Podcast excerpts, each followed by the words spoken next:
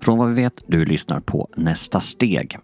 När det här sänds har många av oss jobbat hemma en lång tid. En del tycker det är ganska skönt.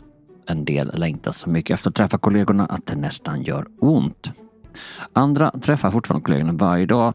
Så i vilken utsträckning man jobbar hemma beror förstås på både vilka uppgifter man har och vilken sorts företag man jobbar på. Hur som helst så har pandemin gjort att förhållandet till kontoret förändrats och behovet som kontoren ska fylla är inte längre densamma.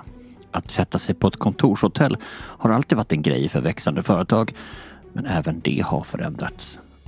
Så behöver man ens ett kontor nu för tiden? Det är frågan i dagens avsnitt.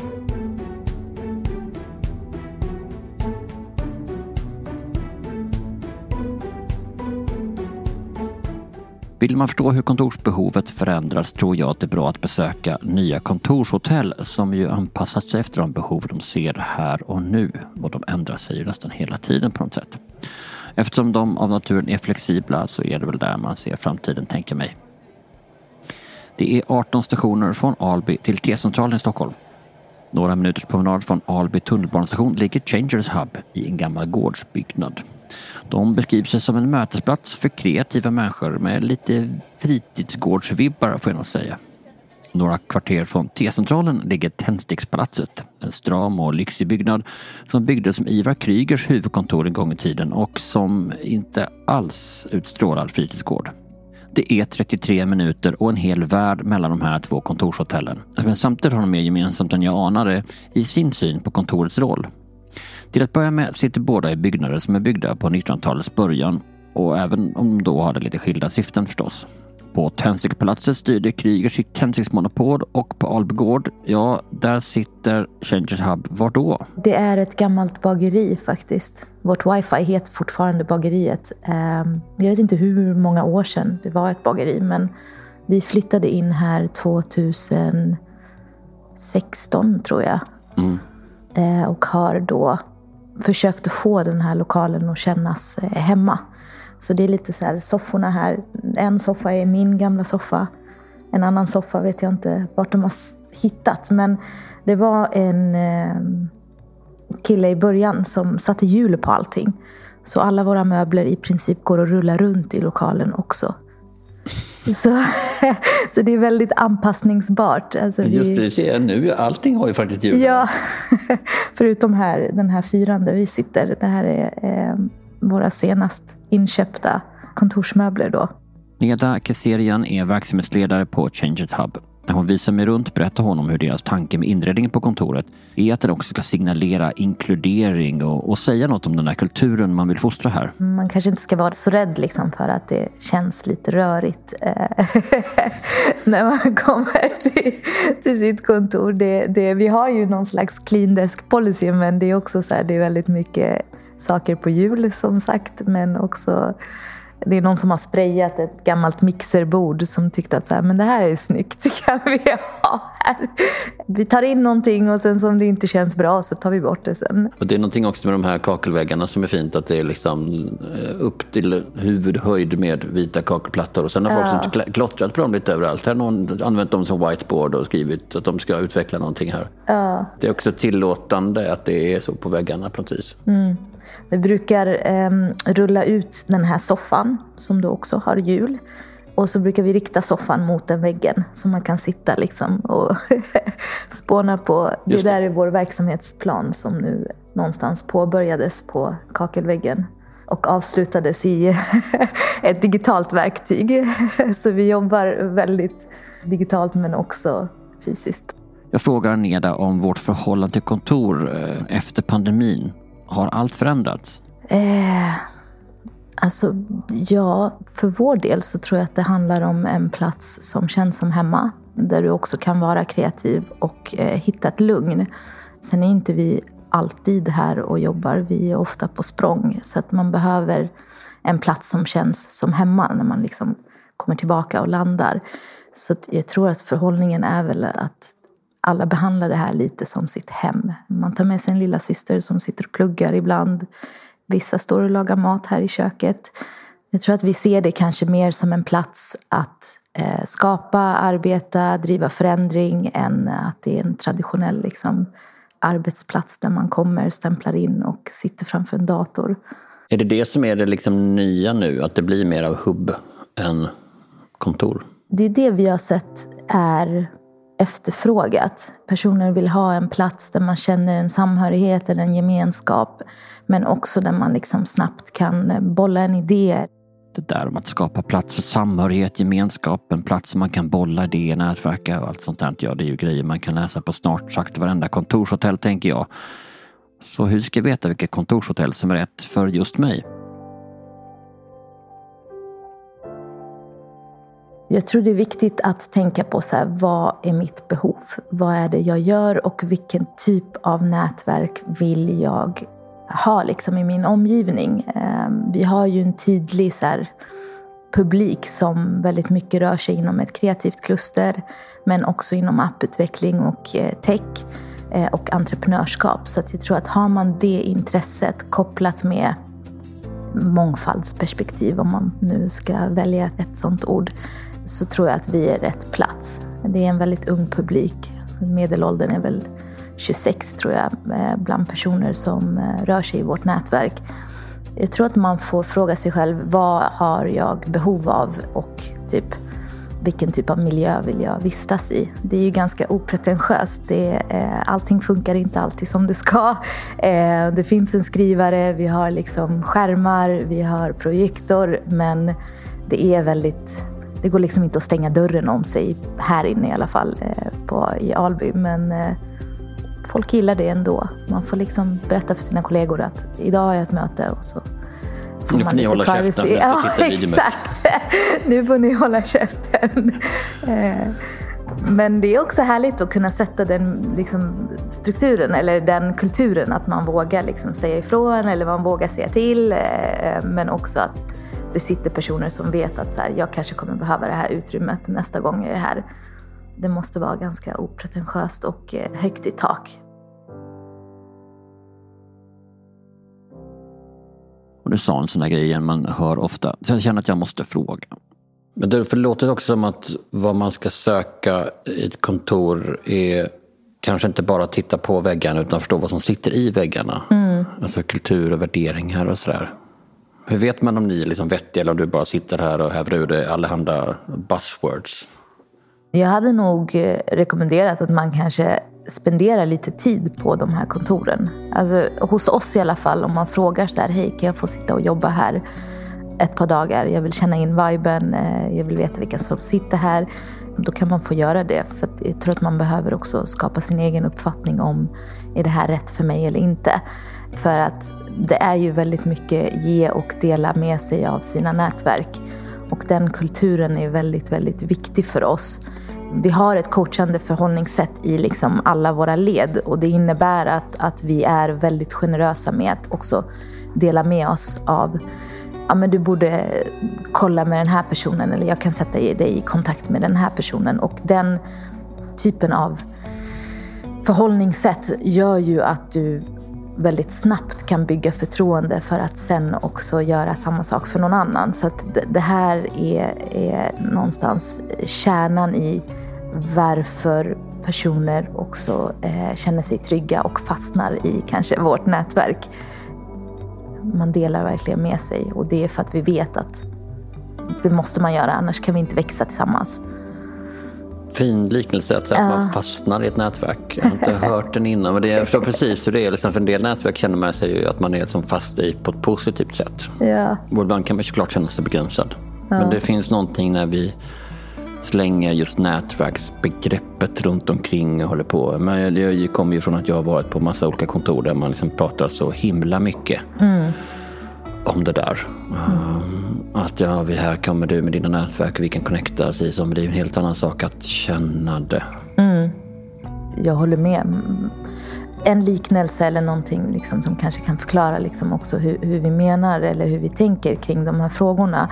Ehm, det är en sak att säga att så här, här vill vi ha massor av personer med olika bakgrund och olika eh, perspektiv. Men om vi aldrig bygger liksom en grund där de här perspektiven och erfarenheterna och deras kontaktnät kommer till nytta, då är det bara ett waste. Alltså det är så här, då har du bara en person som rör sig i en lokal. som aldrig liksom får... Just det, då är det parallella världar. Ja, eh, så jag, jag, tror att, att just det här med enkla sätt att nätverka, att det inte är så långt ifrån en. Mm. Eh, det är också väldigt viktigt. Även om man å ena sidan kan bli galen på att man inte kan stänga in sig så är det å andra sidan så att är den här typen av koncentrationsarbete, deep work-grejer, ja, det är sånt man kanske kan göra hemma. Och så får kontoret en annan roll än, än som en fabrik. Neda berättar att hon vet precis vad hon saknat när hon jobbat på andra ställen. Och jag har faktiskt suttit på väldigt många olika kontor, både liksom centralt, jag har suttit på Strandvägen och det är ju olika känsla. Eh, jag tror att eh, på min egna arbetsplats så har jag ofta trivts.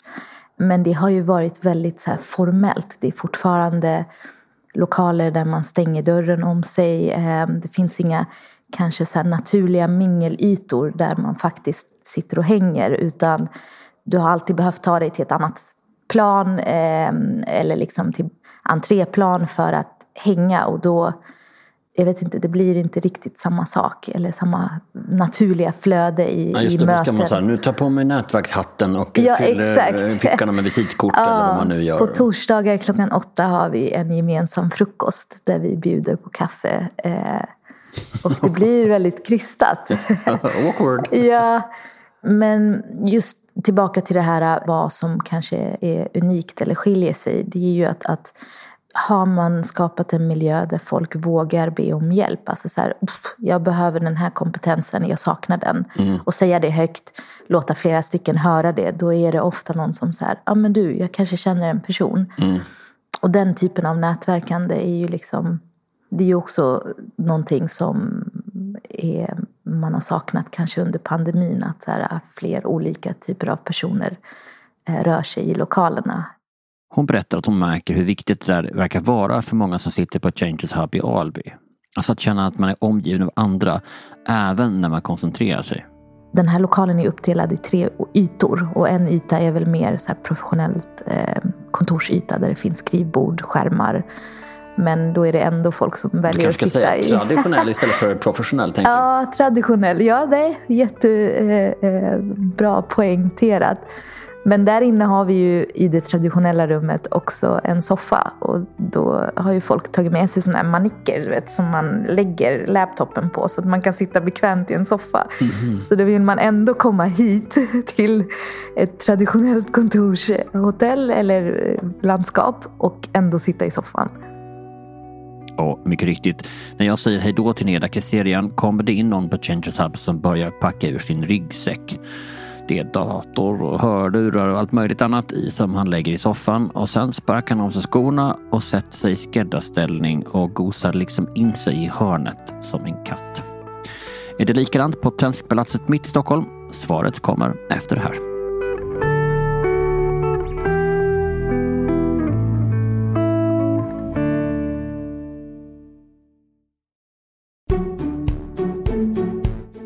Det sitter ingen i strumplästen och gosar in sig i sofforna på Tändstickspalatset. Men stämningen i luften är precis lika hemtrevlig som på Changes Hub i Alby. Och om jag innan hade föreställningen om att allt skulle vara stiffare och stramare så kom de fördomarna snabbt på skam redan i entrén när jag första gången besökte Tändstickspalatset och möttes av ett vänligt leende, en värme och en hemtrevlig doft. Och Lena Werner, som grundar kapitel 8, det är företaget som driver Tändstickspalatset och ett annat kontorshotell i centrala Stockholm.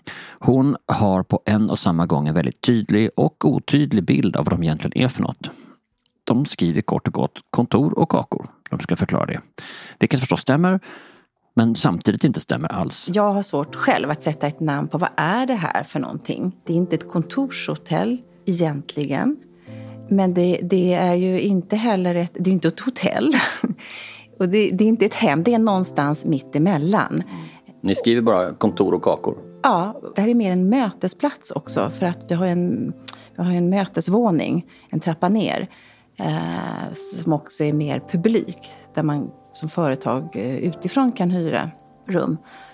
Där pratar man konferensanläggning, men det är det inte heller. Nej. För konferensanläggning, då ser man någonting annat framför sig. Det som vi försöker bygga, vi har ju byggt en inramning först genom vår inredning.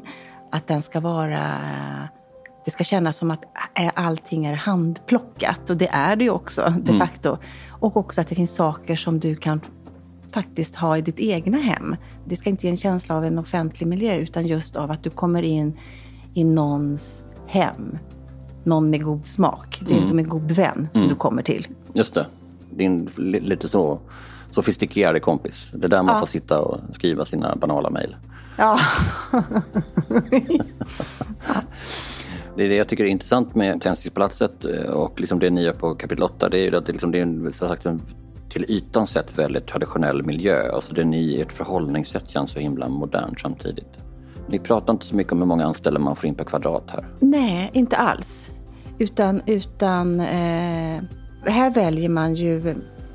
Vad ska man säga? Man, man, man, den som jobbar här har ju ganska eh, mycket att säga till om hur han vill ha det. Vi försöker att förhålla, sig, förhålla oss till, till varje hyresgäst vad de, och se vad de har för behov. Mm. Och i den möjligaste mån bemöta dem. Men, men om det inte är orimligt. Så att det, det är liksom... Eh, det vi har sagt är ju när det gäller, eh, för allting här är ju inrätt. Rummen är, här tar man ju inte med sig någonting utan här... man får inte ha skylt på dörren till exempel? Nej. Därför att de flesta har inte, vill inte ha skylt här. Utan här är man, då har man ju inte hemma. Plus att de flesta skyltar är fula. De flesta skyltar är fula. Jag funderar på om vi ska ha ett nummer så att vi själva hittar in. För ibland är det lite svårt att veta vems rum som är vems. Alla dörrar är ju svarta. Som sagt, kapitel 8 filosofi är både strikt och corporate och avslappnad och snäll samtidigt. När andra fastighetsägare talar om servicegrad pratar Lena om själ. Det alla pratar om idag, vad som är viktigt när man söker en, en kontorsplats, det är inte bara ytan. Utan det är ju framför allt då, man pratar om servicen runt omkring. Det är det som är det viktiga. Och jag skulle säga att service, ja, det är jätteviktigt att man kan tillhandahålla service. Men det allra viktigaste är ju själen. Den är inte så lätt att eh, sälja och erbjuda till någon. För det är så mycket. Vad är, vad är en själ? För, för oss är det, det är omsorg, det är omtanke, man är snäll, man lyssnar, man bryr sig. Det, det är så många, många parametrar och eh, det är det svåraste för, för de andra att erbjuda. Och det, men samtidigt är det ju också det, är också det roligaste. Mm. Men det är ju det som är, alltså det blir någon slags liv och rörelse. Nu var det någon som gick förbi och pratade lite telefon här och har någonting. Alltså det, händer, det sker saker som man knyter an till men ändå inte. Det, men går man in på er sajt så pratar ni inte alls om hur mycket snabbt wifi ni har, hur många skrivare eller att det är frukt. Eller det... Nej men det blir liksom lite hygienfaktorer. De finns ju, alla de, alla de delarna. Men, eh, men sen är det de där andra detaljerna Linda nere i köket, hon sitter redan nu och funderar på vad ska jag göra till fikat här nu till eftermiddag. Och av de som sitter här kommer alltid ut eh, vid tretiden. Och vad blev det? Vad blev det? Mm. Det är små detaljer som gör liksom dagen. Det är också någonting i att liksom du har lunch som serveras i köket varje dag. Ja. Och så får man skriva upp det i en liten svart bok. Ja. Jag själv älskar att lita på människor. Och det gör ju vi här, för här får man ju lov att vistas dygnet runt. Och du vistas ju på sätt och vis och, äh, som i ett museum mm. som du får nycklarna till. Det är ju enorma värden här på, på, på saker som finns runt omkring. Men det är också, en, det, det är också härligt med tillit. Och en del av denna idé är alltså den svarta boken, en honesty book som man kallar det. När man äter lunch eller om man känner för en drink på kvällen så noterar man bara vad man ätit och druckit i en svart liten bok. Att vara i ett museum blir också, alltså både museum och någons hem, det känns ju om man liksom går fram till spritvagnen och liksom häller upp en liten whisky från vad som känns som Ivars spritvagn i hans mm. kontor. Det är någonting annat liksom. Det är väldigt speciellt den här typen av lite. Det känns inte som att ni fakturerar någon något här. Alltså. Nej, men det är jätteskönt att ja. det känns så. Ja. Det gör vi ju givetvis, mm. men, men det är liksom inte det första vi talar om. Liksom. Du vet väl vad den där kostar? Ja, men att det är hela tiden en sån här blipp och så kan man hålla på med. Det är klart ja. att det finns här, men det är på något sätt är det någon annan. Vi försöker lösa det på ett annat sätt. Mm. Och sen är det också att det finns ett gym nere i källaren, det finns en PT. Ja, det finns de här små, små detaljerna som gör din dag mm. här. Det är någonting väldigt lyxigt att inte behöva lämna byggnaden. Mm. Att, inte, att, att det inte bara är kontor. Vi tar hand om dig när du är här. Men ni tar inte hand om mig på det sättet att det ska vara massa events och happening och bygga community och vi ska hänga med de andra? Nej, nej vi gör inte det. Eh, det var ganska tidigt, eh, det kände när jag höll på att skapa det här planet det var att det inte skulle vara ett... Jag, jag har egentligen gjort det för mig själv. Det är så här jag skulle vilja ha min arbetsplats. Och så tänkte jag men det måste vara fler som vill ha det som jag. Jag tycker inte om att stå och hänga vid en kaffeautomat och försöka skapa kontakter och dela ut visitkort. Jag verkligen ogillar det. Så det, jag vill inte ha en sån plats. Och det märker man ju. Människor här är försiktiga. Men, men, allt med, men som tiden går så lär de ju känna varandra för man äter ju oftast frukost. Då sitter man ju ner och då börjar man prata med varandra. Men det, är liksom, men det går försiktigt till. Vi håller inte på att tussa ihop folk. Vill de det så gör vi ju det. Om de, vi känner att det här är någon person som jag tror att du skulle ha glädje av. Då försöker vi introducera dem. Det som skiljer kapitel 8 från andra kontorshotell är kanske inte att det finns regler men att de finns uppskrivna på sådana ställen. På krittavlor och med en värme som gör att de inte blir så påträngande.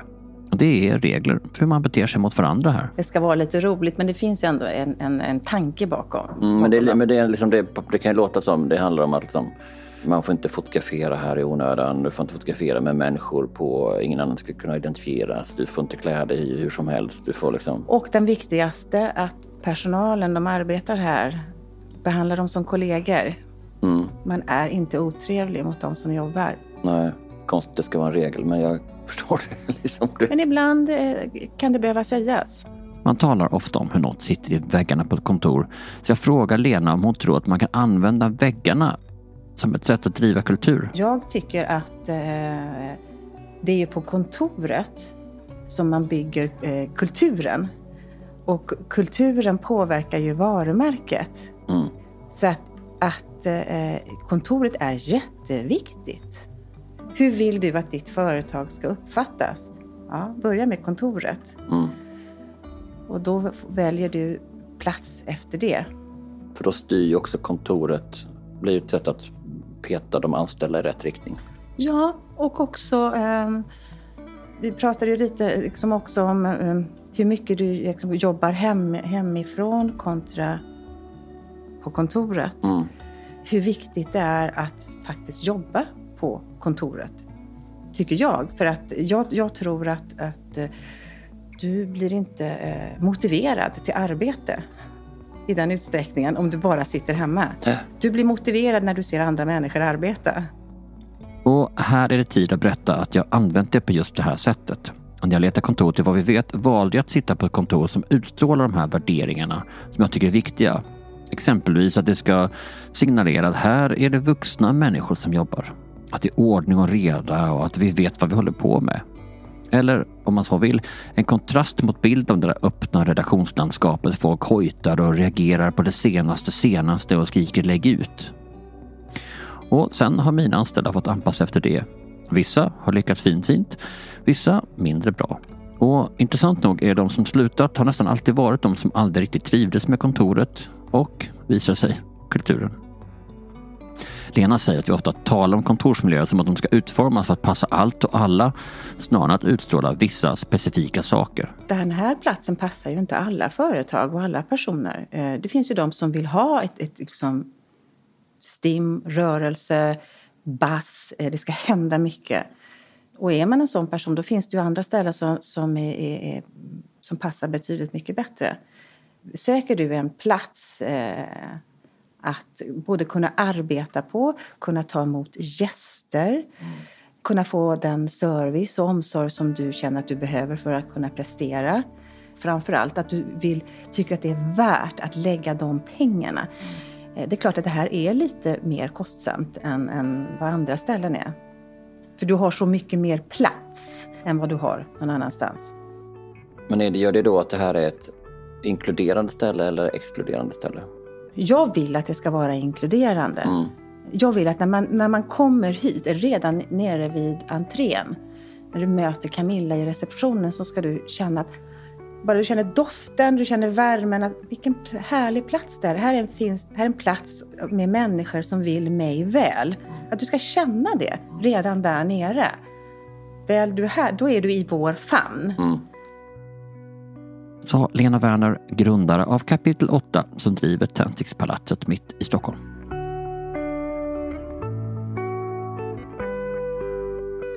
Eftersom Almi är vår samarbetspartner för den här säsongen av Svenska steg så får jag ringa en Almi-expert i varje avsnitt. Toppen! Och den här gången är det en expert på, på att göra kontor. För Sara Berg på Almi i Kalmar är nämligen projektledaren bakom deras nya kontor. Almi, du pratar med Sara. Hej Sara, Per Granqvist. Hej Per. Hur är läget idag? Oj, nu tutar det här. Eh, jo, det är bra. Hur är det själv? Jo då, det är fint. Ja, jag sitter, Det är bra. jag sitter på kontoret. Uh, Ja, sån Ja. lyx. Var sitter du? Du sitter hemma. Jag sitter hemma och Ja. har suttit hemma eh, länge och kommer sitta hemma länge. Och, ja, gud.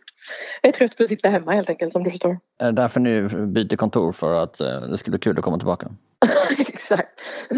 Nej, vi byter faktiskt för att vi är sjukt trångbodda. Det var vi redan innan och nu när man då ska försöka hålla lite social distans så inser vi att det har vi inte möjlighet till där vi är nu. Det, vi sitter alldeles för tajt så att vi måste sitta ja, halva gänget i alla fall hemma. Nu löser det sig ju för vi har ju oftast innan varit ute hos kund och så. Det kan man ju inte heller vara nu.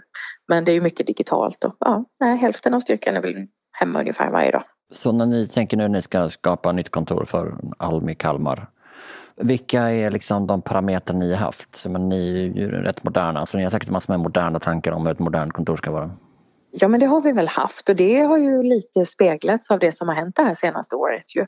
För det har ju accelererat de tankarna men vi vill ju skapa ett eh, aktivitetsbaserat kontor eh, där man får liksom olika ytor för olika typer av arbetsuppgifter. Jag vet att vi pratade om det här med lugna och tågkupéer, att det är nästan så att när man kommer in i början av kontoret så är det kanske lite mer bullrigt, det är mer kreativt, det är diskussioner kollegor emellan och man bollar idéer och så. Och det får vara så där. Eh, och det ligger också i anslutning nära till köket för där blir det också lite andra typer av samtal ju. Men ju längre in i kontorsutrymmet så att säga du kommer ju tystare blir det och ju mer stilla blir det. Eh, så det finns helt tysta ytor där man kan sitta och jobba väldigt koncentrerat. Och det finns också jag kallar dem för telefonbås, det låter ju så himla tråkigt men där man kan gå in och stänga dörren om sig, ta med sig sin laptop och koppla upp sig och köra ett digitalt möte bara jag kanske hos en, en extern part eller sådär. Och då är det ju helt tyst där, de har ju högsta ljudkrav på sig. Just det, så om man, de kollegorna som du har som är eremitkräftor, de kan liksom backa långt, långt in på kontoret. Det finns platser för dem också, exakt. Mm. Eh, och sen de som är jag som jobbar kanske ganska kreativt när man sitter och skriver och som kommunikatör då. Som ju ofta får mer saker gjorda om jag är i den typen av miljö. Då kan jag ju sätta mig i en fåtölj eller jag kan sätta mig i köket och, och liksom vara i surret på något sätt. Du som är så pladdrig hamnar mitt i köket. Exakt. Tills de stänger in mig i telefonbås. Just det, Just det de, går att låsa utifrån, det är det nya. Exakt. Skämt åsido, jag undrar hur Sara och hennes kollegor tänker när de ger råd till företagare. Hur stor betydelse har kontoret egentligen? Och kan de använda det för att förstå lite mer av hur något av deras kundföretag jobbar? Ni har ju rådgivare som också pratar om organisation och ledarskap och så här. Liksom, vad, vilken betydelse har kontoret egentligen? Den kan ju ha egentligen hur stor eller hur liten betydelse som helst. Det beror ju såklart helt på vilken organisation det är och vilken, vilken verksamhet man har. Men visst kan det finnas eh, organisationer där man kommer ut och inser att men en ledare kanske sitter väldigt instängd. Det är inga öppna dörrar, det är ingen öppen kommunikation. Det påverkar ledarskapet och det i sin tur påverkar organisationen eh, åt något håll. Man behöver inte säga att det prompt är negativt men det kan ju vara negativt. Eh, så att, visst kan det ha betydelse, absolut. Jag berättar för Sara om mina besök på Changes Hub och Tändstickspalatset och funderar på hur de själva ser på sitt nya kontor och, och värderingarna.